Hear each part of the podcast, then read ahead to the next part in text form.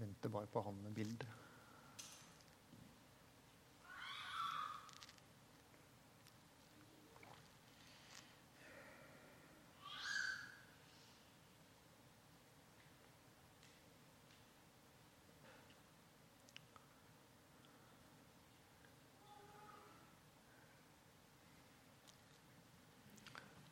Ja, er du der, ja? Så bra. Evangeliet etter Johannes, kapittel 9. Mannen som var født blind. Da Jesus kom gående, så han en mann som var født blind. Disiplene spurte, 'Rabbi, hvem er det som har syndet? Er det han selv eller foreldrene, siden han var født blind?' Jesus svarte, 'Verken han eller foreldrene har syndet.' Men nå kan Guds gjerninger bli åpenbart på ham. Så lenge det er dag, må vi gjøre Hans gjerninger som har sendt meg. Det kommer en natt da ingen kan arbeide. Så lenge jeg er i verden, er jeg verdens lys. Da han hadde sagt dette, spytta han på jorden, laget til leire med spyttet og smurte det på mannens øyne. Så sa han, 'Gå og vask deg i Siloadammen.' Siloa betyr utsendt. Mannen gikk dit og vasket seg. Og han kom tilbake seende. Naboene, som før hadde sett ham, at han var en tigger, sa da, 'Er ikke det han som satt og tigget?' Noen sa det var han, andre sa, 'Nei, han bare ligner.' Men han selv sa, 'Det er meg'. Hvordan ble øynene dine åpnet? spurte de. Han svarte, 'En som heter Jesus, laget leire' og smurte på øynene mine og sa, 'Gå til Siloadammen og vask deg.' Jeg gikk dit, og da jeg hadde vasket meg, kunne jeg se. 'Hvor er denne mannen?' spurte de. 'Jeg vet ikke', svarte han. Da førte de mannen som hadde vært blind, til fariseerne. Det var sabbat den dagen Jesus hadde laget leire og åpnet øynene hans. Og Fariseerne spurte han som har blitt seende. Hva skjedde? Og han svarte, han la leire på øynene mine, og jeg vasket meg, og nå ser jeg. Da sa noen av fariseerne, denne mannen er ikke fra Gud, siden han gjorde, ikke holder sabbaten. Andre sa, hvordan kan et syndig menneske gjøre slike tegn som han? Og det ble uenighet blant de om dette. Da spurte de han igjen, han som hadde vært blind, hva mener du? Siden han har åpnet øynene dine. Han svarte, han er en profet. Men jødene ville ikke tro at han hadde vært blind og kunne se. Derfor tilkalte de foreldrene til han som hadde fått igjen synet, og spurte dem er dette sønnen deres. Hvordan kan det ha seg at han som var født blind, nå kan se? Og foreldrene svarte vi vet at dette er vår sønn. Vi vet også at han er født blind. Men hvordan han kan se, det vet vi ikke. Vi vet heller ikke hvem som har gjort det. Foreldre, spør han selv. Han er gammel nok til å svare for seg. Foreldrene sa det fordi de var redde for jødene. For Jødene hadde sagt at eh, dersom noen bekjenner at Jesus er Messias, så skal de utstøttes av synagogen. Derfor sa foreldrene spør han selv. Han er gammel nok til å svare for seg. For annen gang kalte de han som har blind, til seg og sa Gi Gud æren. Vi vet at dette mennesket er en synder. Han svarte. Om han er en synder? Det vet jeg ikke. Men dette vet jeg. Jeg var blind, og nå kan jeg se. Hva gjorde han med deg? Hvordan åpnet han øynene dine? spurte de. Jeg har jo allerede sagt det, og dere ville ikke høre. Vil dere høre det nå igjen, vil kanskje dere også bli hans disipler. Men de skjelte han ut og sa, du er hans disippel. Vi er Moses' disipler. Vi vet at Gud har talt til Moses. Vi vet ikke hvor denne mannen kommer fra. Det var da merkelig, sa han. Enda han har åpnet øynene mine. Vi vet jo at Gud ikke hører på syndere, men bare på den som er gudfryktig, gjør hans vilje. Og så lenge verden har stått, har vel ingen hørt om noen som åpnet øynene på en som var født blind. Var ikke denne mannen fra Gud, kunne han ikke gjøre noe. Du er født som synder tvers igjennom, sa de, og du vil belære oss. Og så kastet de han ut. Jesus fikk høre at de hadde kastet han ut, og møtte han. Tror du på menneskesønnen? Han svarte, 'Hvem er han da, Herre, så jeg kan tro på han?' Jesus svarte, 'Du har sett han, det er han som snakker med deg.' 'Jeg tror, Herre', sa mannen og tilba. Jesus, vi takker deg for ditt ord. og Så ber vi om at det skal bli levende for oss. Amen. Jeg ble en gang i våre spurt om hva som var min favorittfortelling. Og det er denne. Og Så gikk det to uker, og så ble jeg spurt om, om jeg kunne tale på denne gudstjenesten. Så da står vi her med den teksten. Og jeg har faktisk talt her en gang før med den teksten som utgangspunkt. Men det var i januar 1998, så det er nokså lenge siden. Eh, så vi, vi tar sjansen på å gjøre det en gang til. Jeg syns det er en veldig veldig fin fortelling. Og den, den, har særlig en avslutning som jeg har lyst til å fokusere på i dag. Altså, tror du på menneskesønnen? Tror du på Jesus? Virkelig? Det er det som må på deg teksten og dagens spørsmål. Før vi gjør det, så skal vi snakke litt om Johannesevangeliet. Det er noen ting der som jeg syns er viktig, så det blir bitte litt sånn eh, skole her til å begynne med. Jeg håper det går bra. Johannesevangeliet er jo, så vidt som vi tenker, det siste av de fire evangeliene i, i, i når det gjelder når de er skrevet. Vi tror jo at Markus var førstemann ut. Og så skrev Lukas og Matteus omtrent samtidig. Og de brukte jo Markus liksom som mal. Det er samme oppbygning, samme liksom struktur i teksten omtrent. Selv om jo Lukas og Matteus har med mye mer stoff. Det er mye lengre. Og så tror vi at Johannes skrev helt til slutt. Kanskje liksom helt opp til år 100. År 90 eller et eller annet sånt. Og det har en helt annen oppbygning enn de andre tre evangeliene. Og det har noen særegenheter. Og i kapittel 21, 24 så står det det er denne disippelen som har skrevet dette. Og Fra sammenhengen så leser vi ut at det er Johannes. Det menes her sånn. Vi, vi har jo ikke originalen, ikke sant? Vi har jo ikke liksom, eh, opprinnelsen. Og vi vet at den der tittelen, altså evangeliet etter Johannes, den ble lagt til seinere. Men allikevel er det grunn til å tenke og grunn til å tro på og ikke tvile på og ha som sant at dette evangeliet det har sin opphav hos disippelen Johannes. At han ville fortelle sin fortelling og sitt perspektiv og med sin liksom, betoning av det han syns var viktig. Eh, og Det er et par ting der sånn, som jeg skal ta med som jeg syns er veldig viktig. Og det ene er bruken av, eh, bruken av begrepet tegn. Og det andre er de jødiske høytidene. De er kjempeviktige. Og Det er jo masse stoff og fortellinger i dette evangeliet som ikke fins i de andre og motsatt. Ikke sant? Altså, Johannes forteller ikke om juleevangeliet og slektstavler og den barmhjertige samaritan og den bortkomne sønn osv. som finnes hos de andre. Så er det en god del ting her som ikke fins motsatt. Og det er syv fortellinger om under som liksom er det sentrale i Johannes evangeliet. Dette sitt første tegn står det om vinunderet i Kana. Og Det er en fortelling som bare Johannes forteller, og som ikke vi kan lese noe annet sted. Så er helbredelsen av embetsmannens sønn, kapittel 4, den forteller også Lukas om. Og så er det helbredelsen av en lam med Testadammen. Den er det også bare Johannes som forteller, og ingen andre. Så er det at Jesus mette 5000. Den forteller jo alle evangelistene om. Ikke sant? Nokså lik. Og så er det at Jesus går på vannet. Ja, Det forteller Markus og Matteus også om. Og så er det helbredelsen av en mann som var blind. Og Det er bare en fortelling som kun du finner her hos Johannes. Og Det samme med oppvekkelsen av Lasarus. Så det er noen ting her som, som er særegent for Johannes. Og det står det i avslutningen at Jesus gjorde også mange andre tegn for disiplenes øyne. i avslutningen, Som ikke er skrevet i denne boken. Men disse er skrevet ned for at du skal tro at Jesus er Messias, Guds sønn, og at troen skal få liv i hans navn. At vi skal se hvem Jesus er, og tro på ham. Det er Johannes sitt budskap. Det er det han vil. At vi skal få se hvem Jesus er, og tro på ham virkelig. Det andre som er viktig med Johannes evangeliet, det er bruken av høytider.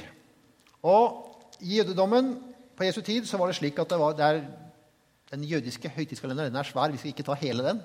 Men de hadde jo noen pilegrimshøytider hvor de reiste til Jerusalem. Og i eh, Johans evangeliet så får du mye flere besøk i Jerusalem enn du gjør i de andre evangeliene. Fordi i Markus, og Matteus og Lukas så er det jo bare fortelling om én gang Jesus reiser til Jerusalem, nemlig den siste uka i hans liv. Ja, Hvis ikke tar med Jesus som tolvåring i tempelet, men den, den, teller egentlig ikke. Ja. Men i, men i eh, Johans evangeliet så besøker Jesus Jerusalem flere ganger. I kapittel 3 så er det påske. Og påske er jo liksom til, til minne om utvandringen av Egypt.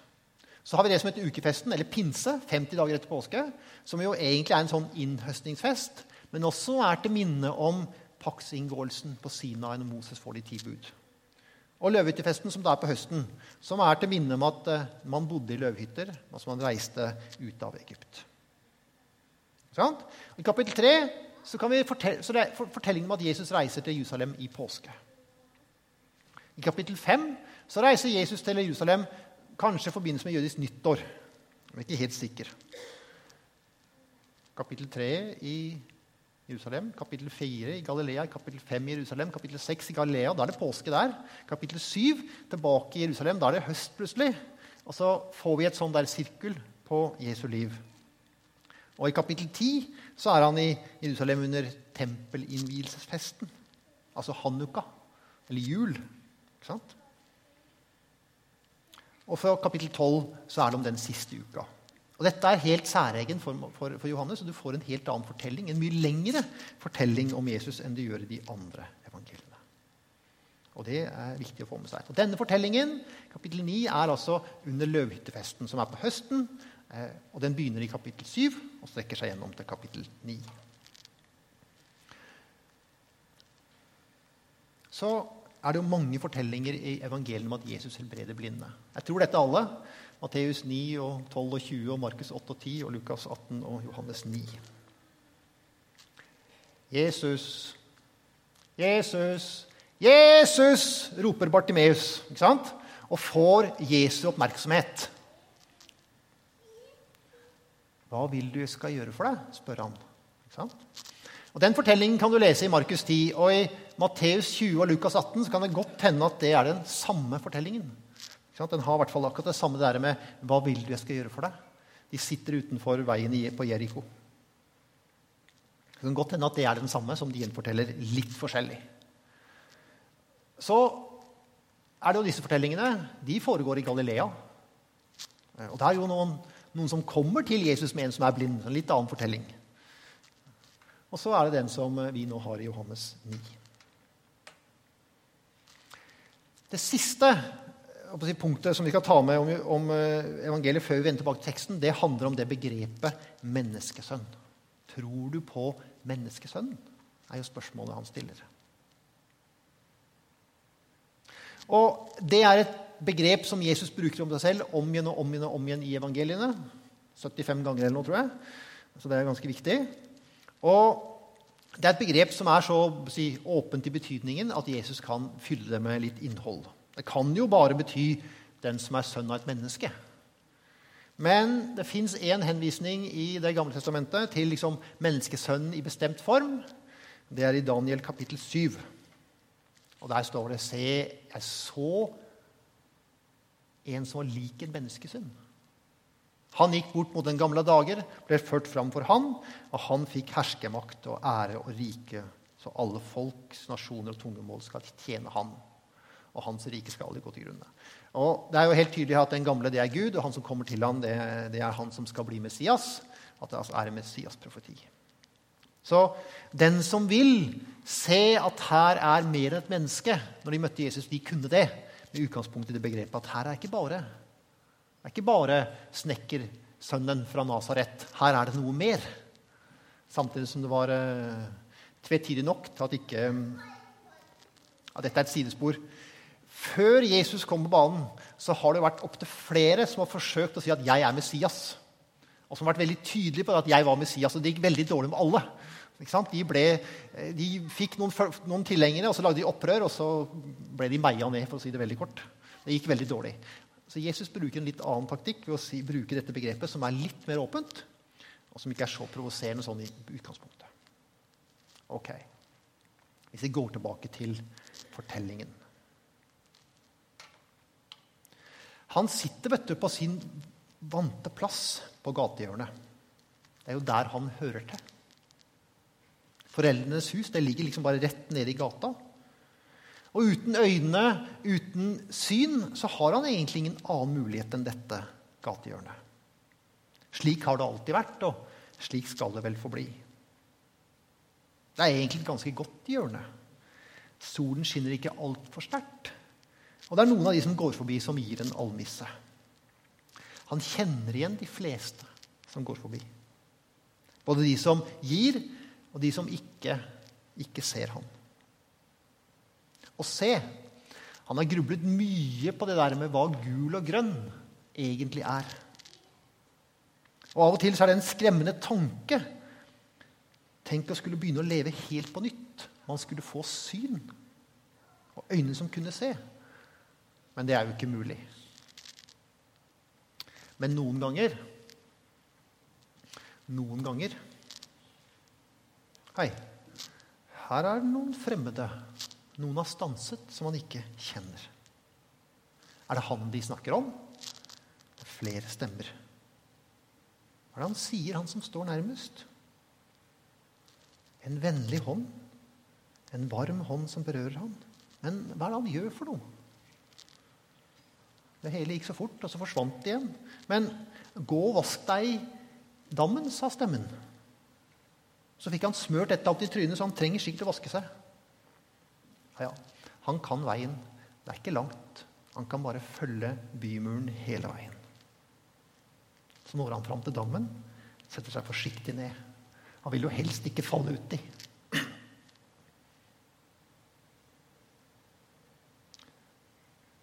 Han vasker seg.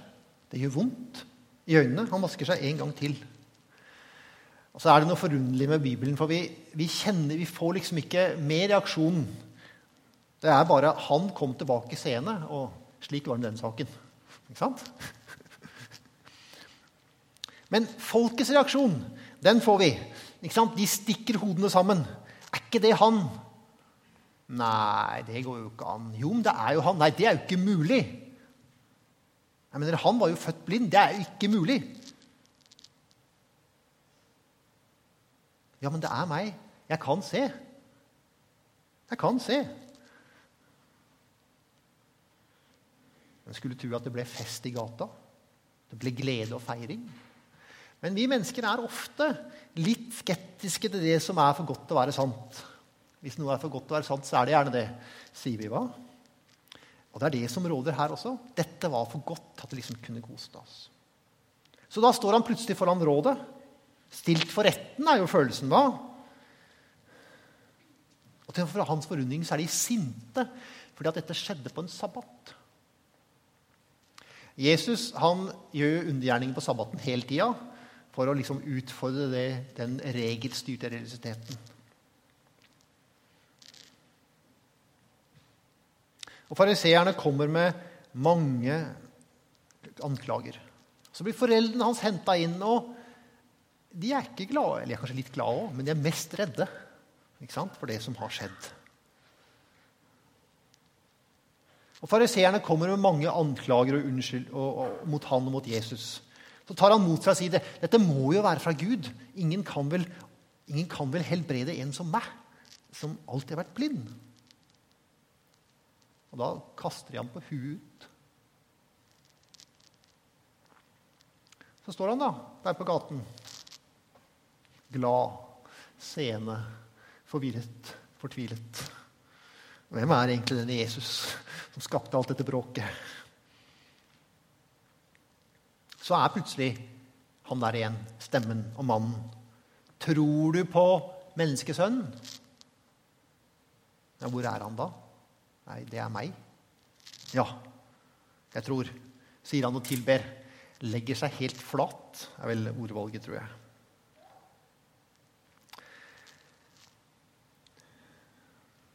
Det er her liksom forandringen skjer i mannens liv, tenker jeg. Jeg har, eh, jeg jeg har fortalt dette også før en gang her, eller kanskje to til og med.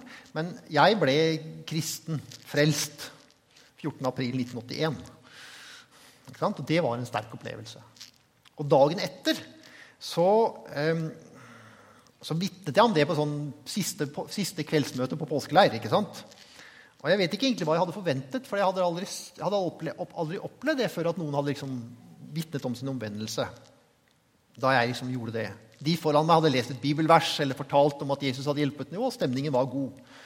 Så gikk jeg fram der og sa at i går ble jeg en kristen, og så var det jo applaus. Og stor, stor jubel og klemmer og alt mulig. Det var veldig fint. Så skulle vi jo hjem. Og de hjemme er, jeg, var jo ikke kristne, så det var jo litt spennende. Åssen går det? Hvis, mon, hvis, hvis, min mor hadde vært sørlending, så hadde hun sagt ja vel. Hun sa å ja, eller et eller annet sånt. Og så jeg tror jeg det var dagen etter så kom min far med et sånt Nytestament han hadde hatt som speider. Om ikke jeg ville ha det. Det var det jo litt anerkjennelse i. Så det var noen sterke opplevelser. Men opplevelsen i seg selv forandret jo ingenting, tenker jeg. Det er jo i dagene og ukene og årene etterpå at forandringen sakte, men sikkert kom. Det var i 1981. I 2007 så var jeg på Lesbos i Hellas sammen med noen kolleger, eh, også fra UiA. Og så Der går det som vanlig sånn utover kvelden at noen drakk mer enn ett glass rødvin og begynte å snakke om livet sitt. Og så var det et par stykker der som hadde lange fortellinger om liksom, hvordan det her å komme ut av kristendommen Og vokste opp i noe litt sånn trangt pietistisk og brukt hele ungdomstida på å kjempe seg ut. Og Så måtte jeg fortelle om mitt liv, da, og så var det en som sa hm, jeg har brukt hele livet mitt på å komme ut. Du har brukt mange år på å komme inn. Ja, det er i grunnen sant. Før vi kommer til den der siste biten av fortellingen og møtet mellom Jesus og den, denne mannen som nå kan se, så må vi ta med oss to ting underveis som jeg syns liksom ikke det er mulig å hoppe over. Hvem sin skyld er det at han er sykt, hvem sin synd er årsak til sykdommen? Er jo spørsmålet som disiplene stiller da. Og Det er en forestilling om at sykdom er en konsekvens av synd. Og Jeg tror den forestillingen ikke er avgått med døden. Jeg mener, Tanken om at vi får som fortjent, at vi bare er greie og gjør ting ordentlig, så går det nok bra. Min oldemor Jeg har egentlig bare minne av en seng og en stokk om henne. Men uh, hun gikk på Misjonshuset. Og hun hadde et motto jeg blitt fortalt. Tro på Gud, ha penger i banken, så går det bra. Og Det er liksom der helgardering. Og vi har lett for å tenke vi har lett for å tenke at når noe ikke går så bra, så har sikkert noen gjort noe galt. Ikke vel? Vi tenker ofte sånn. Jeg tror egentlig Jesus avviser det spørsmålet. Det er ikke det som er saken, hva som har skjedd. Det er ikke det som er spørsmålet nå.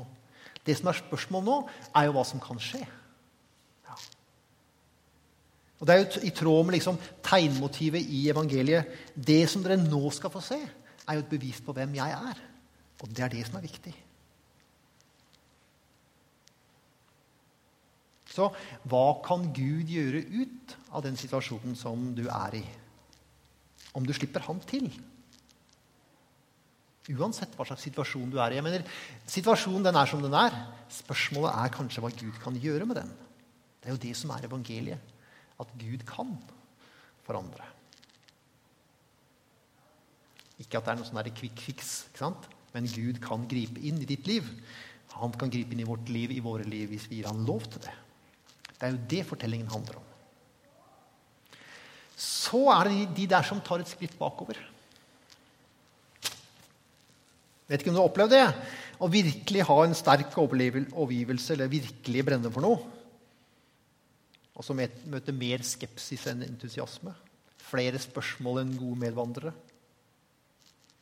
Det er fort at ilden slukner da. Fort at engasjementet dør hen.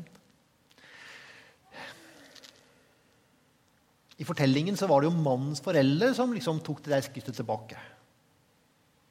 Vet ikke om noen har gjort det i ditt liv. Om du si, sitter i det, fast i det ennå. Om mor og far forlater meg, vil Herren ta imot meg, skriver salmisten i Salme 27. Han hadde i hvert fall opplevd noe som ligner på det. Og det er jo mange som tenker jeg, som, i hvert fall de som er litt voksne, som kan se tilbake på at engasjementet var jo større før. Ja, hvorfor var det det, da? Og det er jo en del av de som nettopp forlater kirker liksom, fordi at de kjente at her var det så trangt. Det var ikke plass til meg. Eller er, er, det du og jeg nå som er de som er veldig flinke til å stille spørsmål? Kanskje ikke så flinke til å heie. Det er en utfordring. Rause skal vi være. Det er ikke bare bare alltid. Men så det siste som jeg tenker at jeg har lyst til å prøve å lande på, det som vi skal snakke om, det er jo dette møtet med Jesus og denne mannen som var kasta på hodet ut. Og Det er en annen beretning i Johannes-evangeliet som, eh, som også forteller om det, kanskje noe av det samme. I avslutningen av Johannes-evangeliet så leser fortellingen om at eh, Peter møter, og Jesus møter hverandre. Og Jesus spør liksom tre ganger 'Elsker du meg?' Den kjenner vi. Men vi må ha med begynnelsen av den fortellingen. Vi leser jo om at eh, etter at Jesus hadde oppstått, så sender han disiplene til Galilea. Og så venter de. Jeg mener, Jesus var død.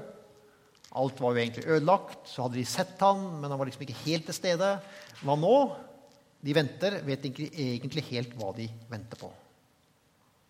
Sitter de der, kikker ut på sjøen, tenker på det som Jesus har gjort, kanskje hver for seg. På den gangen han gikk på vannet. Eller på den gangen han satt i båten og talte, det var helt svart av folk. Eller den gangen han sa 'kast garna ut på andre sida'. Det var helt teit, men så mye fisk har vel aldri noen fått. Jeg går og fisker, sier Peter plutselig og reiser seg. Uh, ja, vi blir med, sier et par av de andre. Og du vet, Det er ikke bare ut for å fiske på en liten tur. Dette har vært spennende, sier egentlig Peter.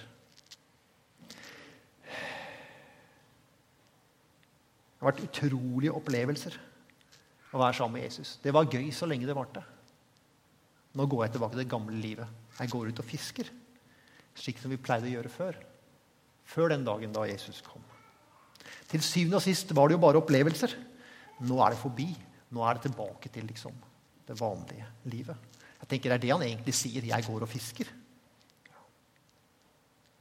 Så mens de er ute og fisker, så kommer Jesus på stranden. ikke sant? Peter kaster seg i vannet, svømmer inn, og så sitter de der rundt bålet. Uh, han var jo våt. Ikke sant? Og så spør jo Jesus Peter tre ganger 'Elsker du meg?' Ikke sant? Og ja, du vet alt. Altså alt som har skjedd, alt det gale, alt sviket, alt sammen. Men du vet jo at jeg har deg kjær. Og Så får Peter liksom begynne på nytt, og så er alt forandret. Og så er det den muligheten til å gjøre ting til ikke bare noe på overflaten. At tro ikke bare noe her på overflaten, men få det ned i livet sitt. Jeg tenker Det skjer her i Peters liv. Så kommer pinsedag, og så er alt forandra. Jeg tror det gikk Jeg tror det gikk fem år jeg, fra april 1981 til der det kristne livet virkelig satte seg fast i livet mitt. Og I den perioden så var det bare opplevelser, og det bar preg av det. Altså, Jeg er veldig for, jeg er veldig for gode opplevelser. At mange av oss kunne hatt mye flere av de. Altså, Vi har noen her som flyr høyt etter derre Hva heter det? Hillsong. Enda. Ikke sant? Eh, og vi som var på, i hvert fall som Liv og Vekst, det var kjempebra. Det var gode møter. Kjenne på Guds nærhet i eget liv. Å, det er helt supert. Jeg er veldig for det. Vi trenger mer av det, tror jeg. Men hvis det bare er opplevelser Altså Ungdom som bare har sterke opplevelser og ingenting under, de overlever ikke overgangen til voksenlivet ofte. De som tar på seg oppgaver bare uten et sånn ordentlig fundament under, de brenner seg ut. vet du. De slutter. De holder ikke ut. Altså, Tenk på han der mannen på gatehjørnet. Hvilken opptur og hvilken nedtur.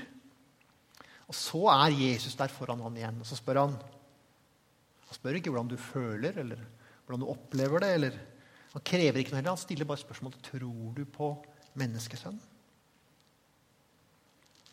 Og spørsmålet har jo en uh, dobbel betydning, minst. Altså, Tror du på menneskesønnen? Altså, tror du på han som er her, og som er mer enn et menneske? Tror du at uh, her finnes kanskje Messias? Og tror du på menneskesønnen altså nå som de andre har vendt deg ryggen, og du står der alene? Tror du faktisk at han er til å stole på når han sier at han er verdens lys, at han også er det for deg? Det er forskjell tror jeg, på det å tro på Jesus og tro på Jesus. Ja. Og det er mange ganske mange undersøkelser som forteller at folk er med i kirke og menighet pga. Sånn, litt sånn sosialt aspekt. Altså, det, er, det gir gode venner, og det gir relasjoner, og det setter farge på livet, og det gir gode input, og det gir muligheten til å liksom føle seg inkludert. Men spørsmålet er om det av og til kan bli litt sånn medgangssupportere. Og i kapittel 6 i Johannes evangelium der er det ganske mye action. Først så møtte Jesus 5000 mennesker med fem fisk og to brød. Så går han på vannet. Det er rimelig bra. Men folk er skeptiske. Ja, Gi oss et tegn, da, så vi kan tro på det. Og Så svarer Jesus med å si noe mer om hvem han virkelig er. Og Da tviler de. Nei, dette er jo Josefs sønn. Ja, dette, nei. Og så slutter kapittel 6 egentlig med at veldig mange vender Jesus ryggen sier at nei, dette var, for, dette var for tøft. Action er bra, men hvis det blir alvor nei, nei takk. Det var det som var Jesus' spørsmål til mannen. Hadde du bare opplevd noe, eller hadde den troa nå fått slå, slå, rot i hjertet ditt? Tror du på menneskesønnen? Virkelig? Det var en invitasjon. Og det, samtidig så var det en sånn en utfordring til å kjenne etter er dette bare noe som skjedde, eller er det noe, noe som du skal bygge livet ditt på. Han kunne sikkert ha blitt sittende på gatehjørnet hvis han ville. Vi vet ikke åssen det gikk, men vi antar jo at det, det skapte mange forandringer i hans liv. Vi har sagt mange ganger til hverandre at vi har mye å forvalte. Og mannen her han fikk jo et helt nytt liv. Han bøyer seg i tilbedelse. For Sønnen frigjort dere, blir dere virkelig fri, sier Jesus om seg selv i kapittelet før. Så det er det, det som er spørsmålet til denne mannen. Er du fri nå? Og overgitt til Han som er verdens lys? Tror du at Jesus lever? Og vil du leve det livet som han gir deg muligheten til? Så vet du jo ikke helt hva mannen svarte. Men det er det som er Jesus' spørsmål. Tror du på, tror du på menneskesønnen? Tror du at han er livets lys? At han er den som det er verdt å satse på med hele ditt liv?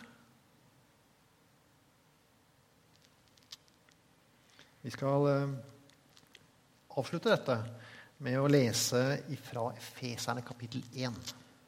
Og det er en bønn for meg og for deg.